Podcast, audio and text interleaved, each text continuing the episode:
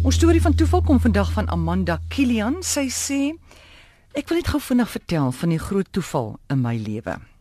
My jongste broer het in Johannesburg getrou en die hele familie is soontoe. Die Saterdagoggend het ek en my suster besluit ons wil ander klere gaan koop. Ons wil nou nie meer die klere dra wat ons vir die troue saamgebring het nie. Ons is toe op pad daarna Johannesburg se middestad toe, daar het ons 'n wonderlike winkel gekry en ek het my twee klein kindertjies saam met my. Die oudste is 4 en die jongste is 2 jaar.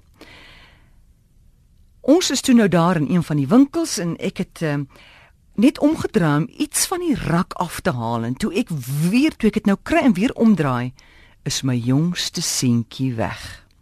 Jong, maar ek hardloop soos 'n besetene oral rond en vra of iemand nie hierdie klein witkop seentjie gesien het nie.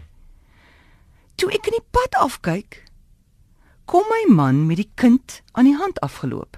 Nou die toeval hierin is dat ons was glad nie saam daai dag nie. Hy en sy broer was op 'n motorfiets en hulle kom toevallig op daai pad aangery. En toe hy weer kyk, loop sy kind hier oor die pad. Hy het sommer so in die ry van die motorfiets afgeklim en sy kind gegryp. Hy was eers 'n bietjie kwaad vir my, maar na die tyd toe ons stil raak, toe ons nou verstom oor die toeval van hierdie storie.